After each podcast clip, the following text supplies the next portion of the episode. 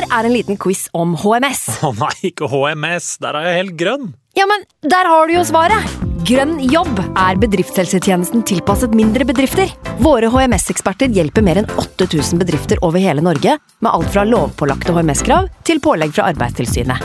Få på plass bedriftshelsetjeneste på grønnjobb.no. Hallo? Jeg kommer fra Oslo politikammer. Ine Jansen er purk. Er du purk? The motherfucking bitch. Alt jeg vil, er å finne ut hva som skjedde med mannen min. Jon Carew. Er jeg sikta for noe? Iben Akeli. Det er du. Ole So, Lars Berrum og Big Daddy Karsten. Hvem sin side er du på, egentlig? Anette Hoff, Tone Danielsen, Kommer du fra Afrika? Jørnis Josef, Nesten. Kløfta. Trond Espen Seim, Det er synd å si det, men det var feil mann som døde. Purk. Premiere tirsdag på TV2 Play. I can't believe it. Football, bloody hell.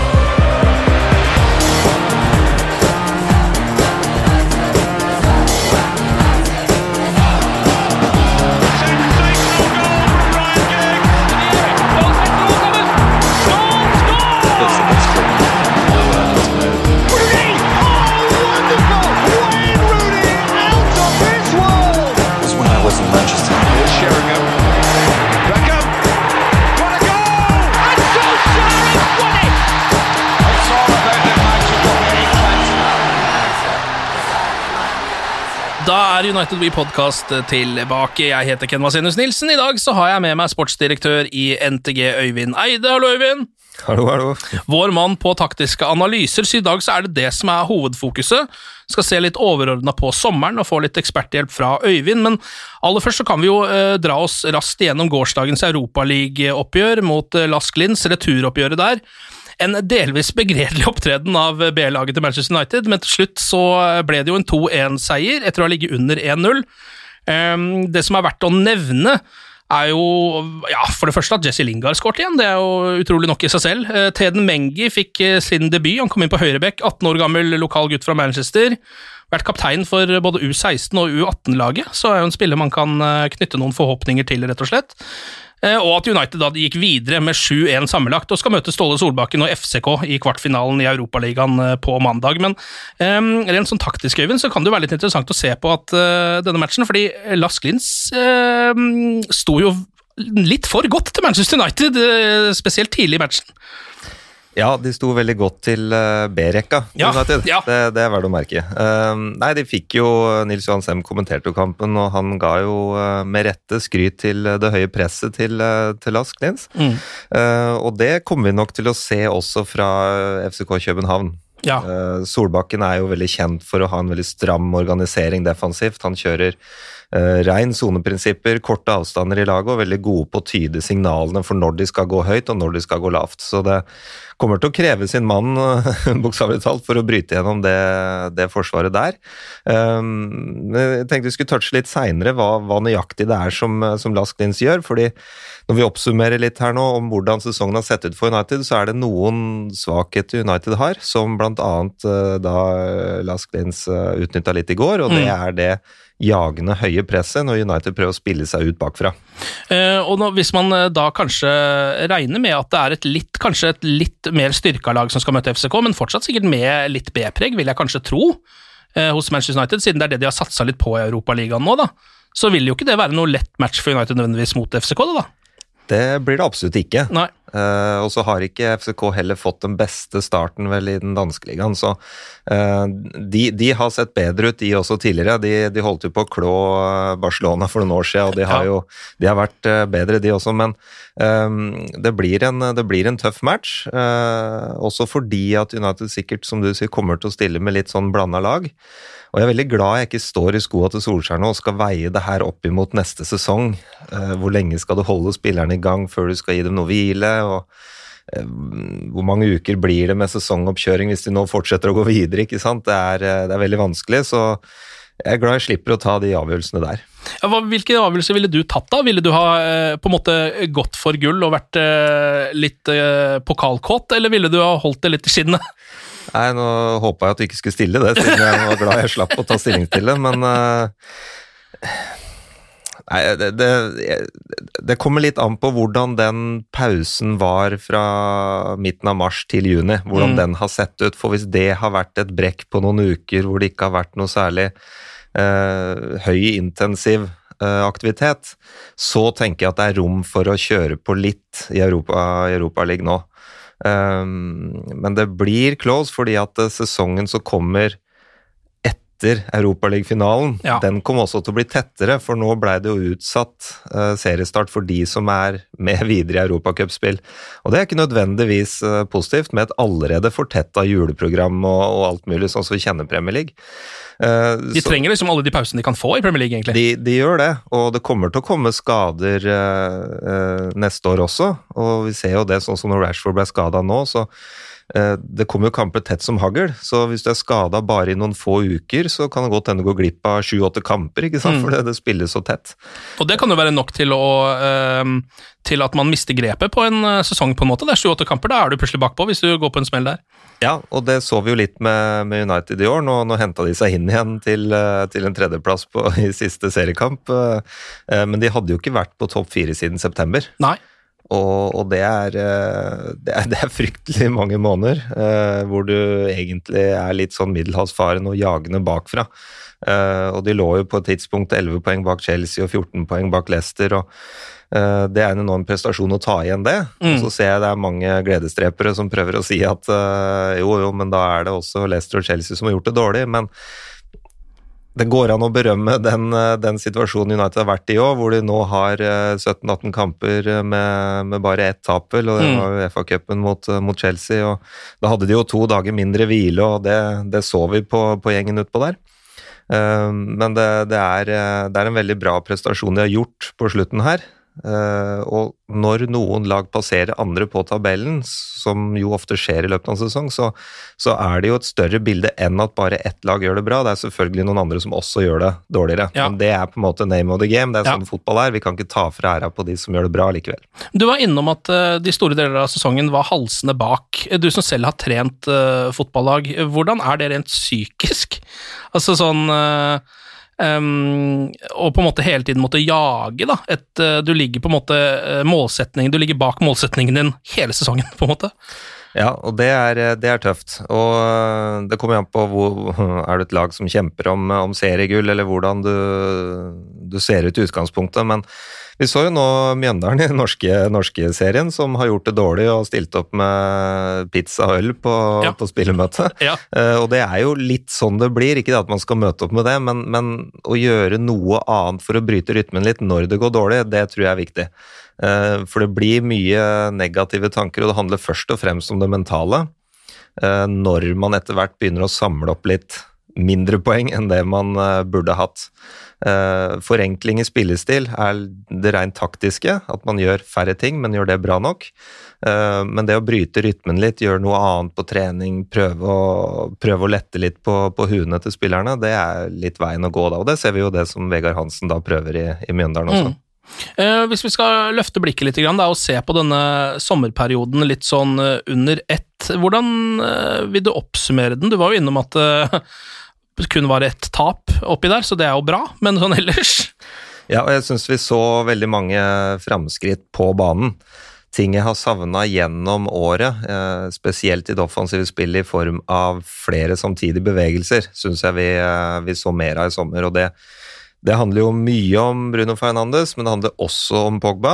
Eh, og selvfølgelig Rashford tilbake fra skade og, og, alt mulig. Men de andre spillerne begynner nå å tilpasse seg litt det spillematerialet som er sentralt i banen. Og det er morsomt å se, for da ser vi at en Martial nå i de siste kampene synes jeg, var veldig flink til å finne seg posisjoner i backleddet til, til motstander, hvor han kan få små stikker igjennom da fra Bruno Fernandes f.eks. Uh, og det så vi mot Leicester òg, hvor han fikk flere sånne gode muligheter fordi han rett og slett ligger riktig. Han har jo fått mye kritikk for at han eh, ja, fort kan bli borte og ikke gjør de rette bevegelsene hele tiden. Ja, ikke sant, og det handler jo litt om, og det, det så vi i vinter òg, og det handler jo litt om at han, han møtte jo veldig mye, for han blei så lite involvert at han kom veldig møtende ned. Han jogga nærmest ned i midtbaneleddet for å få lov til å verne av ballen. Det slipper han nå, for nå veit han at ballen kan komme bak leddet. Og da er han, eh, da er han eh, vesentlig farligere enn Mm. det han er i midtstreken, selvfølgelig. ja, ikke sant. Eh, andre ting du har lagt merke til som altså, hva er det, Hvor har utviklingen vært størst, da, hvis vi skal se på det, eh, hos Manchester United? Ja, og, og her kan vi se litt, uh, litt større på det, da. Uh, for hvis vi nå ser uh, det gapet som er opp til Manchester City og Liverpool, sånn som det har vært nå de to siste sesongene, så har United skåra rundt eh, 65 mål de to sesongene. De laga som vinner serien, de skårer rundt eh, 80, 75-80. Ja. Så du må noen mål opp. Eh, Når det gjelder innslupne mål, så, så ja, På generelt grunnlag da, så bør du slippe inn eh, mindre enn ett i snitt. Ja. Og det gjør United. Ja. Eh, og du bør skåre mer enn to i snitt. Ja. Det, det er på en måte tommefingerregelen i de store ligaene. Ja. Eh, og der mangler det litt for, for United. Det er jo nå mm, 30 poeng opp til eh, 95-100 poeng, som det har ligget på de to siste sesongene, for å vinne serien. Og det er mange poeng å, å, å ta igjen, og, og da handler det litt om det offensive spillet og skåre flere mål. Jeg så en statistikk for et par uker siden her òg, at eh, United har holdt nullen 26 ganger i alle turneringer, og det var jo flest i Europa på det tidspunktet. Mm. Eh, Så det at de slipper inn uh, lite mål, det er bra, og så må du utvikle offensivspillet enda mer for å skåre flere mål, og det syns jeg vi ser at er på gang. Og så var det litt vanskelig å se hvor langt de er kommet helt på slutten her, for da begynte de å bli litt slitne. De greier ikke å ha samme trøkk i spillet sitt, eh, og det så vi også fordi at Chelsea hadde to dager med hvile. Leicester hadde plutselig en hel uke hvile, mens United måtte spille midtukekamp. Ja. Og det, det er det stor forskjell på. Eh, Så, så det var litt vanskelig å måle helt eksakt hvor langt United har kommet i det offensive spillet sitt, men jeg syns vi ser veldig gode tendenser på akkurat det. Ja, så når liksom alle spillerne fortsatt er i form, så ser det jo bra ut. Men altså, eh, både hos City og Liverpool, de andre lagene, de spiller jo også voldsomt mange kamper. Har de bredere tropp? Er det det som gjør at de liksom klarer å, eh, å holde resultatene litt mer stabile? Eller Ja, de, eh, de har jo det. United har jo mange unge spillere. eh, Og når de unge må inn for å overta for de, for de etablerte, så, så gjør jo det noe med nivået. Eh, Og så har de andre lagene hatt matchvinnere hele sesongen. Ja. Det, det har ikke United hatt egentlig før eh, Bruno Fernandes kom. Nei. Da, da kom det en matchvinner på banen. Og det i form av eh, både skåringer og nest siste pasning og siste pasning og i det hele tatt eh, bidrag i det offensive spillet. Mm. Eh, og da så vi også en Pogba som også begynte å, å løfte spillet sitt veldig når han plutselig fikk en hva skal vi kalle det, en lekekamerat utpå der. Ja, ikke sant. Men hva hvis, altså når andre lags analytikere sitter og ser på Manchester United-kamper og skal finne ut hvordan skal man kunne straffe dette, hva er det de trekker fram? Ja, og der, der er det litt, eh, litt todelt. Det ene er når United angriper, eh, og når United forsvarer seg. Eh, det vi så mot Chelsea, da, når, eh, når United ligger lavt i etablert forsvar, så har United to kanter, enten om det er Greenwood og Rashford, eller om det er Danny James for den saks skyld. så de kantene liker jo helst å være veldig offensive, så de skyver ikke så tett innpå de to sentrale midtbanespillerne til United som man kanskje burde i det lave presset. Så Chelsea da, med William spesielt, de la spillerne sine da eh, på utsiden av de to sentrale midtbanespillerne til United og fant mye plass imellom ledda. Mm. Uh, og det er det rommet som vi også har skrevet litt om i analysen, og det er det rommet rundt Rashford spesielt. Uh, han er treg på omstilling hjem. Han sprinter ikke hjem igjen for å hjelpe til. Eh, han er ikke like observant i forhold til defensive spillet. Og det gjør at det kan bli en del én mot én, to mot én-situasjoner mot venstrebekken til United. Eh, Så der er vi avhengig av å ha en sentral midtbanespiller som kan hjelpe til. Men da blir det en sideskyving, så hvis det vender spillet igjen mot United der, så vil det bli trøbbel motsatt igjen. Ja. Så, så i hvilken grad motstander greier å utnytte det rommet rundt og bak Rashford, er, her er veldig interessant. Det ville jeg tenkt mye på, hadde jeg vært eh, motstander, og det, det har vi sett at en del gjør. Eh, og så er det det med når United prøver å spille seg ut bakfra. Eh, Ja. De er veldig opptatt av å sette i gang hvert angrep eh, bakfra fra, fra fem meter, spille kort. Eh, og jeg er litt usikker på hva planen er. Ja, det der har jeg jo lagt merke til selv, og det er jo ikke bare United, det der gjelder jo alle lag som enten er et topplag eller har ambisjoner om å være et topplag, vil jo gjerne spille seg ut bakfra. Hvor, hvorfor det, egentlig? Ja, de har jo de, Du får jo på en måte en kontroll over motstander hvis du greier å spille deg ut på den måten. Du får jo en selvtillit, eh, og du blir god på det hvis du, gjør, hvis du gjør det mye og du gjør det riktig. Eh, men det vi ser når vi ser Manchester City, da, de har en større grad en plan over det. De veit hvor de skal komme ut med ballen. Eh, når United gjør det, så er jeg litt mer sånn usikker på hvor er de egentlig vil hen til slutt. Ja, jeg vil, har jo et inntrykk av at de vil eh, få ballen opp til Pogba, på en måte, som igjen skal få den opp til Bruno, men så blir det jo gjerne at Maguire surrer litt rundt og gir den tilbake til David Igea, så er det litt fucked. ja, det, det, det, blir litt uh, Og noen tar noen piruetter med ballen og sånn, men det som uh, Tilbake til det vi innleda med i forhold til Lask Lins og det som jeg tror København kommer til å gjøre her, og andre lag neste år, det er at uh, det, det spilles veldig mye inn til de to sentrale midtbanespillerne, Pogba som du nevnte, og Matic også. Ulempen der er at de er veldig ofte feilvendt. De er møtende på små, korte bevegelser, og så blir det spilt opp korte pasninger inn på fot på de spillerne. Og det er et sånn typisk signal for nå kan vi gå høyt i presset. Ja. For da er det en feilvendt ballfører. Det er jo null fare for at den ballen spilles inn i bakrommet eh, til, eh, til København, da, i dette tilfellet. Eh, så det er et sånn pressignal som København kommer til å ha. Det er når ballen går inn til de to sentrale. Når den støttepasningen spilles tilbake til backleddet, så kommer de til å følge den, for da står de allerede og har markert de nærmeste spillerne til United, eh, og da er det begrensa hvor stopperne til United kan spille ballen. Det mm. som skjer ofte da, det er at bekkene til United som har vært litt høyere, de kommer møtende og blir feilvendte de også, så får de en pasning så har vi en feilvendt bekk som driver og går med ballen mot egen dørlinje. Og det er her veldig ofte at jeg syns Chelsea var veldig gode, i, spesielt i første omgang, i det presset. Hvor de brukte alle de øyeblikkene som jeg snakka om nå, spesielt feilvendt på sentral midtbanespiller og feilvendt bekk. Der støta de hardt og bra og vant ball og satte United i trøbbel. Og det kommer andre lag til å gjøre òg, hvis det ikke blir en tydeligere plan på det. Ja, for Hvordan motvirker man det når man ikke kan spille ballen langt på Fellaini? Hva skal man, hva skal man gjøre da?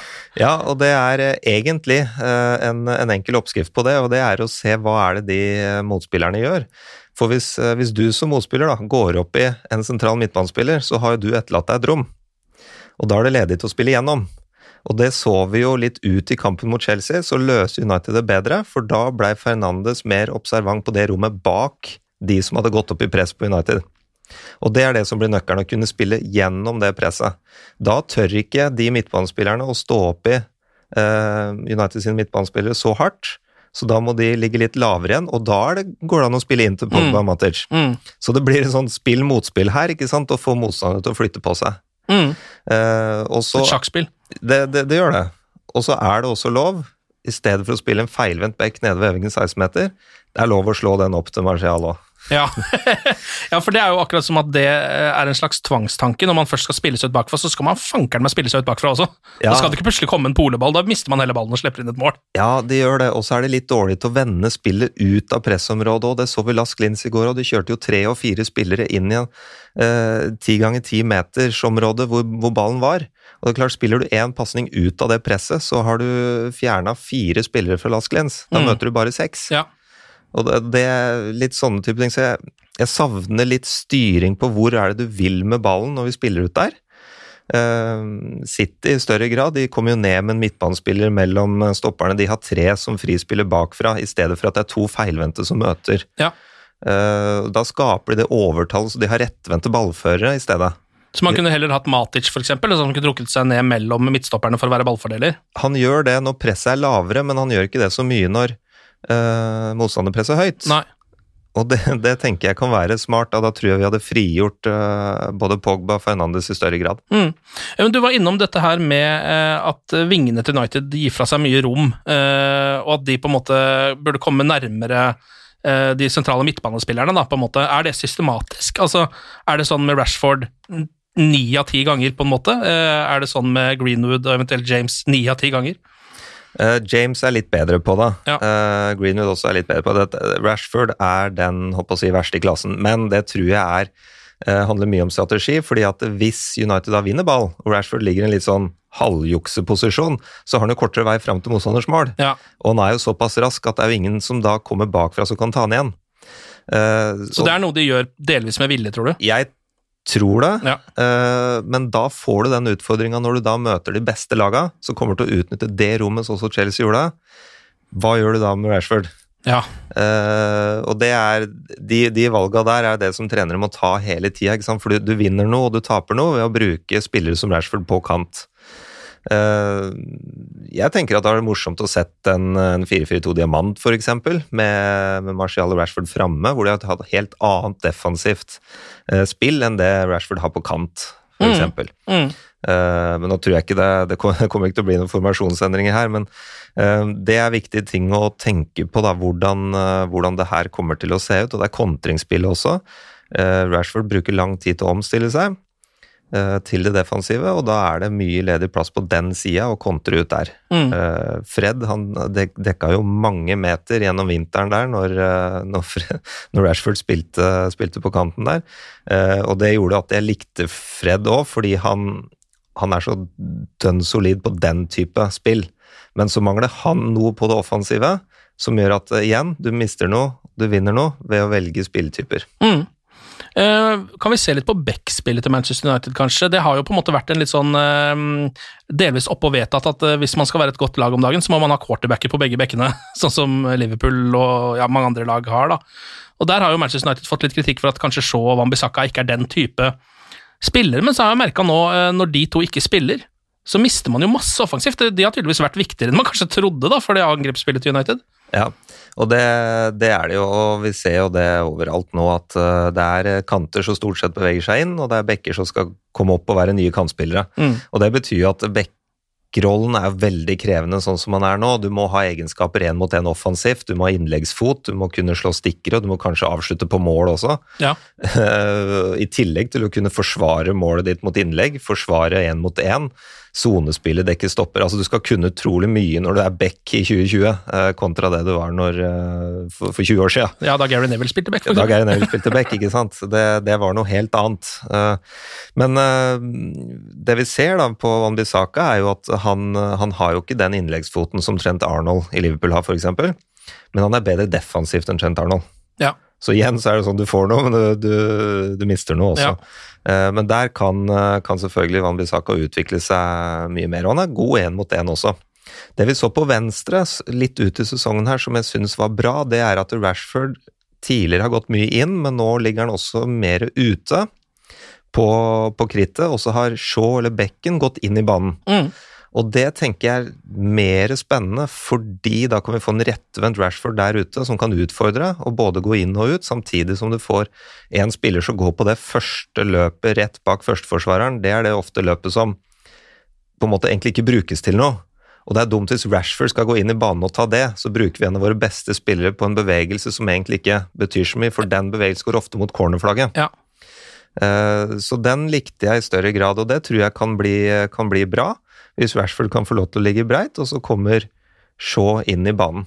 Ja, det er en utvikling som på en måte For har, der har det jo vært en forandring eh, fra tidligere i sesongen. Er det sånn som kommer når det begynner å gå bra, at da prøver man på litt sånne ting?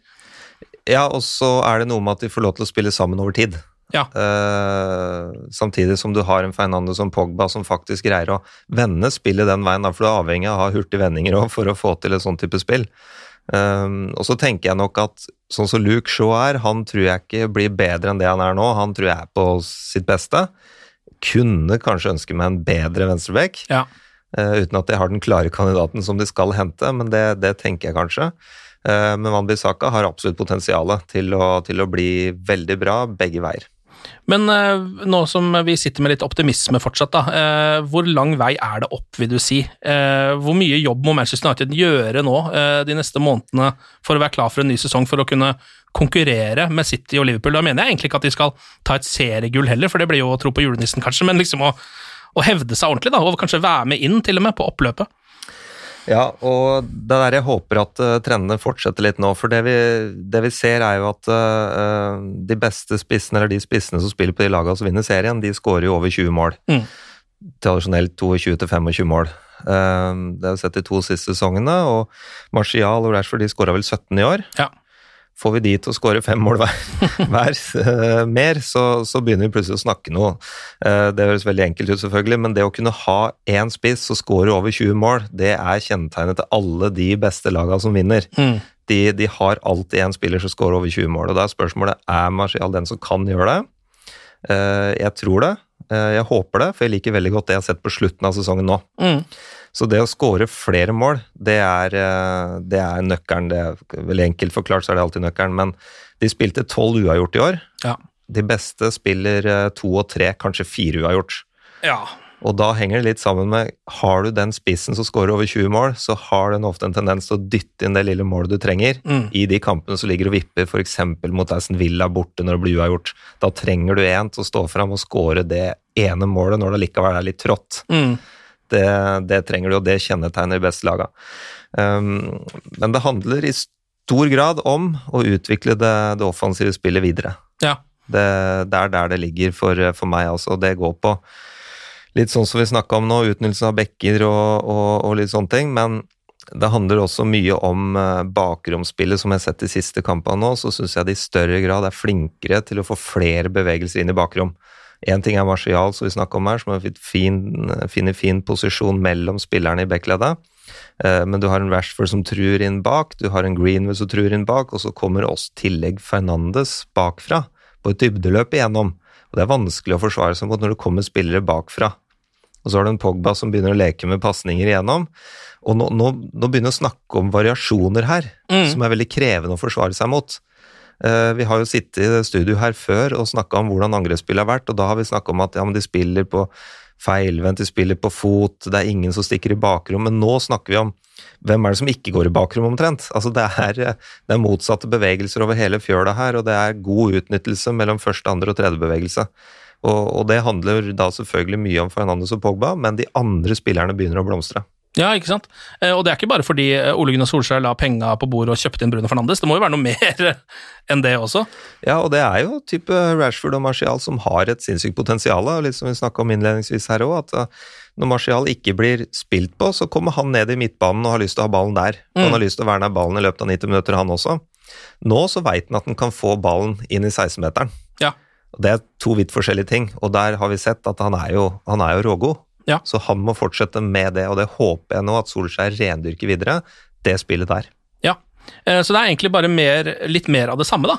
Hvis man skal oppsummere det helt sånn eh, lynraskt. Det er, det er mer av det samme, for hvis du ser de siste 17-18 kampene, så har de ett tap. Ja. Så det sier seg sjøl at hvis de fortsetter å gjøre det her og bygge videre på det, så kommer de til å være med å kjempe opp i toppen der. Mm. Eh, hvis vi skal se litt på eh, Nå har det jo, kom jo nyheten nå i går om at Alexis Sanchez han blir i Inter. Eh, han eh, skal bli der i et par-tre år til, har vel skrevet under på treårskontrakt eller noe sånt, tror jeg. Eh, det vil jo si at man frigjør rundt 40 millioner kroner eh, etter rapportene, som kan brukes til andre ting. Og da er det jo veldig lett å begynne å tenke på Jaden Sancho, eh, som jo er nummer én på eh, transferblokka til Manchester United. Vet ikke helt hvordan det ligger an. De har lagt inn noen bud som er litt for lave, eh, ifølge rapportene, da, for, eh, i forhold til hva Dortmund vil ha. Men hva, altså, hvor desperat ville du vært etter å ha signert Jaden Sancho? Hvor viktig kan han være for United, tror du? Jeg ville vært veldig desperat. Ja. Ja, og det, og det er flere grunner til, og det er fordi at øhm, den øh, kruttsterke angrepsrekka som United har nå, den er fantastisk bra, men den kommer ikke til å stå 60-70 kamper som det blir neste år. Nei, Um, for det gjør ingen angrepsrekker. Nei. Nei. Det, det, det gjør det ikke, og vi var inne litt på i stad, hva er det de andre laga har som ikke United har? Jo, de har større bredde også, Mm. i tillegg til matchvinnere. Nå har vi startet sesongen med matchvinnere, men vi må kunne ha matchvinnere på benken òg. Ja. Eh, og så tenker man jo, men hvem skal ut? Og det blir mest sannsynlig Greenwood hvis Sancho kommer inn. Og hva skjer med Greenwood da, som på en måte er kanskje et av de største talentene England har nå, uh, i den aldersgruppa der, da. Men Greenwood er ikke i en alder hvor han trenger å spille hver kamp nå, uansett, og det kommer til å være nok kamper for han. Uh, samtidig så kan han også komme inn for Martial som spiss, han kan komme inn for Rashford på andre kanten. altså eh, det er, ikke, det er ikke synd på Greenwood, han kommer, Nei, til, å, han kommer til å spille nok. Uh, men Sancho kan tilføre noe annet enn det, enn det Greenwood gjør. Og det går i det oppbyggende spillet. Det går på å utfordre i større grad og skape sjanse for andre. Greenwood er veldig god når han får avslutte sjøl, men han trenger å utvikle spillet sitt litt i forhold til å skape sjanse for andre. Mm. Og det er jo veldig, altså United har jo to ganske sånne klare innoverkanter også, med Greenwood som vinner skyte, og Rashford som egentlig ja, vil det samme. Jeg føler at Jaden Sancho kanskje har et større register. Ja, det kan du godt si, men uh, Sancho er veldig høyre, høyrefota. Han uh, bruker ni uh, av ti berøringer på ballen, det er med høyre fot. Ja. Eh, og han spiller jo høyrekant, og da kan han gå både inn og ut derifra. Og det vi ser som er litt interessant når vi ser tysk fotball, er at motstander ofte sender to spillere veldig raskt i forsvar mot Sancho. Eh, og der ligger noe av den nøkkelen som, eh, som Sancho har løst sjøl, og det er at da spiller han jo ballen et annet sted. For hvis han har to på seg, så er det jo en som er ledig et annet sted. Ja. Eh, Litt enkelt er, er fotball også matte, men så, så den delen der kommer til å være veldig bra for United. At de kan få en spiller som tiltrekker seg masse oppmerksomhet, i tillegg til Fernandes, i tillegg til Pogba. ja. Hvis vi ser tilbake på de gode årgangene til United, så var det jo sånn.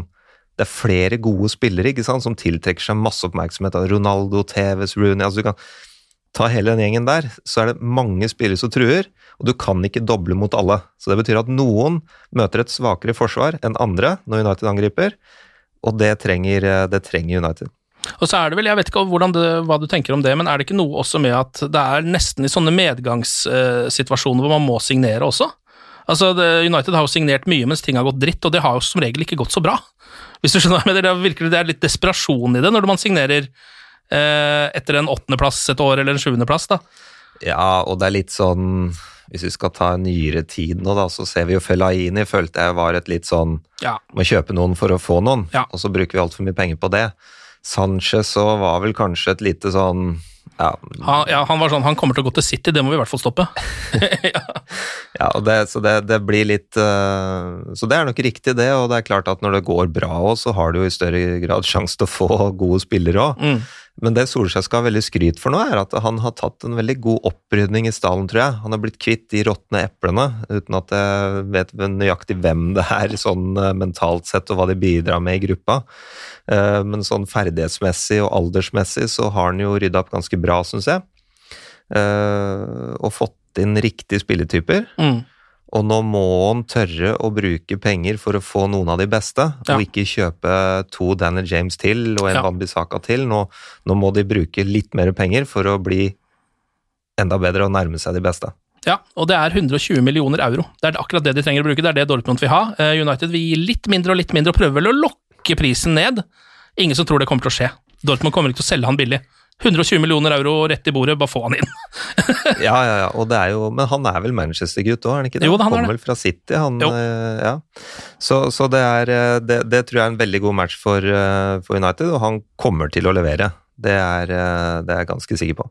Er det noen andre eh, navn også som eh, dukker opp innimellom i spalten her? Jack Graylish er vel den første kanskje vi kan nevne, Villa-midtbanespilleren, som jo skjøt Villa til en ny kontrakt i Premier League, og dermed blir både dyrere og kanskje har litt mindre lyst til å gå noe sted også, det vet man jo ikke, men hvordan, hva tenker du om hva kan han tilføre eventuelt? Ja, eh, og det er en litt annen case, føler jeg. Eh, Jeg tror nok jeg ville prioritert eh, Sancho, Ja. eh, åpenbart. Ja. Eh, Men eh, det, jeg, jeg tror han kommer til å ende opp i Tottenham, for sånn toppklubbene ser ut nå, hvis de får de spillerne de vil ha og beholder de spillerne de vil beholde, så tror jeg ikke det er plass for han i Nei. de eh, topp fire- topp fire-klubbene her nå. For han er ikke god nok for det, tenker du? Nei, han, han, øh, jeg tror ikke det. Det er, det er ingen i Liverpool han kan ta plassen til. Det er jo for så vidt ingen i United heller han kan ta plassen til hvis Sancho, kom, Sancho kommer. Nei. Eh, Så da må det jo bli i stedet for Sancho. Ja. Da begynner vi å snakke litt at han kan, kan utfordre her. Tenker jeg, da. Mm. Så, Så, han, ville du egentlig bare holdt deg unna hvis du var Solskjær? ville hatt det som annetvalg hvis det skjærer seg med, med Sancho. Mm. Men da er det på en måte han et ganske klart annetvalg igjen, da. Ja, og da er vi jo inne på det som vi har diskutert her mange ganger. Skal man ha en backup-plan, eller skal man da vente et nytt år og prøve på Sancho igjen? Altså, Hvis du vet at det er din mann, så er det vel han du vil ha, da? På en måte. Ja, og det er, eh, tenker jeg, greit hvis du, hvis du er Liverpool. Ja. og du er i en god posisjon hvor du samler 100 poeng to år på rad. Eh, Ja. da, da kan du tillate deg å vente på de rette spillerne. Ja. Men United er litt som du sa, når det går bra, smi mens jernet er varmt nå. Ja. Eh, det tror jeg er viktig, så det ikke blir en ny sånn sesong hvor du kjemper om femte-sjetteplass, kanskje fjerdeplass, men at de faktisk greier å banke litt på døra mot de to beste. Mm. Eh, andre spillere som jo ikke er liksom like eh, høyaktuelle, men som jo også dukket opp i ryktespaltene. Det er en midtstopper spesielt. Han har eh, blitt linka til United nå i mange år. Koulibaly eh, spiller for Napoli. Sterk, god. Hva tenker du om han?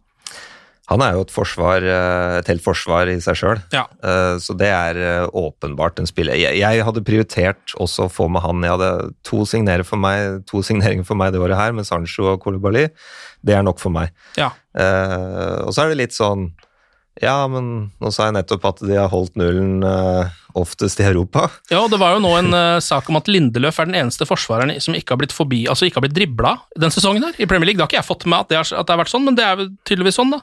Ja, ikke sant? Så det er litt sånn hvorfor skal vi bruke så mye penger på en, uh, på en midtstopper? Og det, og det er et, et godt spørsmål, men i de avgjørende situasjoner så syns jeg at uh, Lindløf er for svak. Han, han, blir for svak i ganske mange situasjoner som handler om de siste ti meterne inn mot mål. Mm. Der er han rett og slett for, uh, for svak. Ofte dødballer og sånn, kanskje? Dødballer, innleggssituasjoner, dueller der inne, det, det, sliter han med. Han er ikke god nok til det. Kolibali han er best på det som forsvarsspillet var best på før, det er å forsvare det målet. Ja. uh, og det gjør han. Han er kruttsterk på det. Han er litt svakere med ball offensivt, ser mye mer etter bakrom uh, enn det kanskje um, det United-stopperne gjør nå. Men, men, han har fart, og han er eh, bedre til å takle enn det Van Bissaka er. Han greier å få et bein rundt uh, alle angripere. Uh, så, og han er råsterk i, i duellspillet, god i lufta. Han har alt i forhold til det å forsvare målet. Mm. Så, så, det tenker jeg at kan de få tak i han, så ville jeg gjort det. Ville du ha prioritert han foran Sancho også? Hvis det, vært, hvis det, er sånn at i år får dere én spiller, dere får kjøpe én stor spiller. Da tar vi Sancho. Ja, da tar vi Sancho, ja. Så da er vi enige om det. Det er, enige om det. det er bra. Det er én spiller til som vi jo kan ta litt sånn kjapt. Idrissa Gay, eh, PSG, har vært i Everton også. Uh, defensiv, eller i hvert fall midtbanespiller, da. Um, er det noe United trenger, tenker du? Ja, og her er vi inne på noe som også er et vanskelig valg. Det er mange vanskelige valg for det, for det laget her, og det er jo hvem skal spille på midten sammen med Pogba og Fernandes. Matic er eh, Han liker jeg veldig godt, men han er også veldig treg. Ja. Uh, begynner å bli eldre. Begynner å bli eldre, men han er, han er råsterk, og jeg liker han kjempegodt som type. Og, så, så, jeg syns det er veldig mye bra med han. Uh, men jeg tror nok, hvis vi husker tilbake til laget til Ferguson, så hadde han stort sett en ballvinner på banen mm. for å skape en balanse der Nikki Butt, Roy Keane osv. Han uh, Idrise her, som vi snakker om fra PSG, mm. han er sånn. Ja. Han vinner ufattelig mange baller. Han er litt sånn minikanté, på en måte. Ja, han er råsterk, altså. Og det, og det ser vi også på de beste lagene. De har ofte en dynamo på midtbanen som dekker mye rom og er litt sånn ryddegutt for de andre, som i større grad kan, eh, kan fokusere på det offensive. Og det tror jeg skal Rashford fortsette å spille kant, så er vi nødt til å ha noe som er litt mer løpssterke enn det Matic er. Mm. Så det er ikke noe dårlig, dårlig valg, det. Uh, han er jo 30 år, så det, det, er mulig det bryter litt med det Solskjær tenker, men igjen, som vi snakka om, altså nå, nå tror jeg de må ta litt andre valg enn de har gjort det siste året for å bryte igjennom på, på topp to. Mm. Og Du har jo vært innom tidligere at altså, eh, du ikke alltid er så opptatt av navn, men av spilletyper. Så det er en sånn spillertype trenger United. Om det er Idrissa Gale eller om det er en annen, så en litt sånn løperyddegutt på midtbanen, det er noe de trenger. Ja, ikke sant. Hvis du husker italienske landslaget som vant VM og sånn, da hadde du Andrea Pirlo som sto og strødde ja. baller, og så hadde du Gattusso som rydda opp ja, ja. når andre mista ballen. Og det, og, det, er litt sånn eh, det bør se ut her òg, fordi du har Pogba Fernandes, de tar stor risiko i spillet sitt, og det skal de gjøre, for det gjør jo at uh, Marcial og Rashford kan starte på mye løp framover. Men da må vi også ha noen som kan balansere. Mm. Og som orker å løpe opp og ta de harde løpet, harde duellene. Fred gjør det, men han er litt for enkel offensivt. Og det er nok det Solskjær også ser, derfor så bruker han Matic i stedet. Ja. Eh, er det ellers noe du vil tillegge, Øyvind, om uh, sommeren til Manchester United og hvordan det ser ut nå, før vi gir oss for i dag? Nei, jeg tenker at vi har vært gjennom mye, og så håper jeg at det ikke har vært for nerdete på, på, på, det taktiske her. Men det vi ser, er at kort oppsummert så har United veldig mye spennende på gang offensivt. Og det er først og fremst på motstanders halvdel. Ja. Der er de vesentlig mye bedre, og det går på flere bevegelser samtidig. De ser litt mer på hverandre når de beveger seg. Det er én som møter én som stikker, f.eks. Men når United har ballen nede på egen halvdel, så er de fortsatt uh, dessverre så svake i det spillet bakfra uh, at jeg frykter at det kan uh, tapes en del poeng på det, hvis det Mm. ikke gjøres noe mer strategisk hva det er de ønsker å oppnå med det spillet. Mm. Så der må det gjøres en, eh, en, jobb med å prøve å finne ut hvordan de skal spille seg ut bakfra, eller om de skal bare slutte med det. det er også lov å slutte med det. det er også lov å slutte med det. Og så mer av det samme framover, for det funker jo som bare pokker, i hvert fall inntil videre. Videreutvikle det framover, og det kan godt hende at han nå, Solskjær nå kommer til å bruke uh, de kampene i Europaligaen nå, rett og slett for å la de øve mer sammen. Ja. eh, og bruke det som slags sånn eh, pre-camp treningsleir, Ja. treningskamper, og la de utvikle spillet mer. Og da kommer det her til å bli kruttsterkt, det er jeg helt sikker på. Og så håper jeg at eh, Rashford eller Martial kommer til å skåre over 20 mål. Ja. Da kommer vi til å banke hardt på døra til, til City og Liverpool. Eh, FCK på mandag allerede, altså. Én kamp bare eh, i Europaligaen i kvartfinalen. Så går det slag og slag fram mot eh, finalen 21. august, så får vi håpe at Manchester United også er der. Øyvind Eide, tusen takk for besøket, og glory, glory.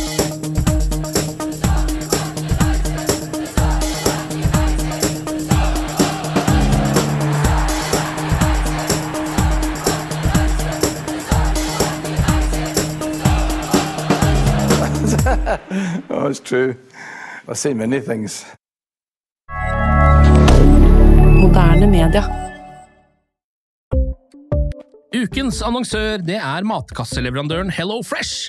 Der kan du velge mellom 25 ulike oppskrifter hver uke, eller få Hello Fresh til å sette sammen en meny for deg. Jeg sparer tid på å handle, oppskriften er veldig enkel å lage, og så får jeg akkurat det jeg trenger da, til hver eneste rett, så jeg slipper å kaste så mye mat som jeg vanligvis gjør. Det er også litt deilig å faktisk slippe å gå på butikken, ikke bare fordi det er tidkrevende, og sånn, men fordi man ender opp med å kjøpe så mye greier som man egentlig ikke trenger, sånn som fire poser eh, Smash og en kick med havsalt, eksempel. Det er ikke det du egentlig er der for, du er der for å kjøpe, kjøpe middag. Så det er en veldig eh, kjekk ting. I tillegg så er det jo eh, ferdigporsjonerte ingredienser, det blir mindre matsvinn, og du betaler bare for det du faktisk trenger, og det du faktisk da spiser. I tillegg så blir det da levert på døra til et eh, fastsatt tidspunkt, sånn at du kan få det akkurat når det passer for deg eh, sjæl.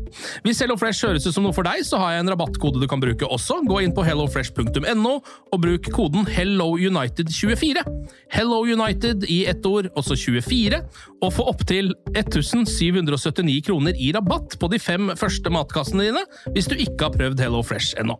Du kan også bruke koden hvis du tidligere har vært kunde, men har stoppa abonnementet ditt for tolv måneder siden eller mer. Det er ingen bindingstid, og du kan pause eller avslutte abonnementet ditt akkurat når du selv måtte ønske. Husk koden HelloUnited24, og bon appétit! Ukens annonsør er Folio, en smartere banktjeneste for deg som har en egen bedrift eller ønsker å starte for deg selv. Folio er en superenkel nettbank for bedrifter. Som kunde i Folio får du en bedriftskonto med et bedriftskort og app. I denne appen er det smarte løsninger som forenkler regnskapet ditt, uansett om du har en liten bedrift eller et enkeltpersonsforetak. Folio er både intuitivt og brukervennlig, og er laget med et enkelt språk. I tillegg tilbyr de forutsigbare priser og ingen skjulte gebyrer. Skulle du likevel trenge det, så kan du snakke med deres raske og hyggelige kundeservice, og der får du prate med en faktisk person og ikke en chatbot. Folio er med andre ord både enklere og koseligere enn banken. Over 10 000 bedrifter har allerede valgt Folio som sin banktjeneste, så besøk folio.no og se hvordan Folio kan forenkle din hverdag også. Har du et enkeltpersonforetak eller en liten bedrift? Da er du sikkert lei av å høre meg snakke om hvor enkelt det er med kvitteringer og bilag i fiken, så vi eh, gir oss her, vi. Fordi vi liker enkelt. Fiken superenkelt regnskap.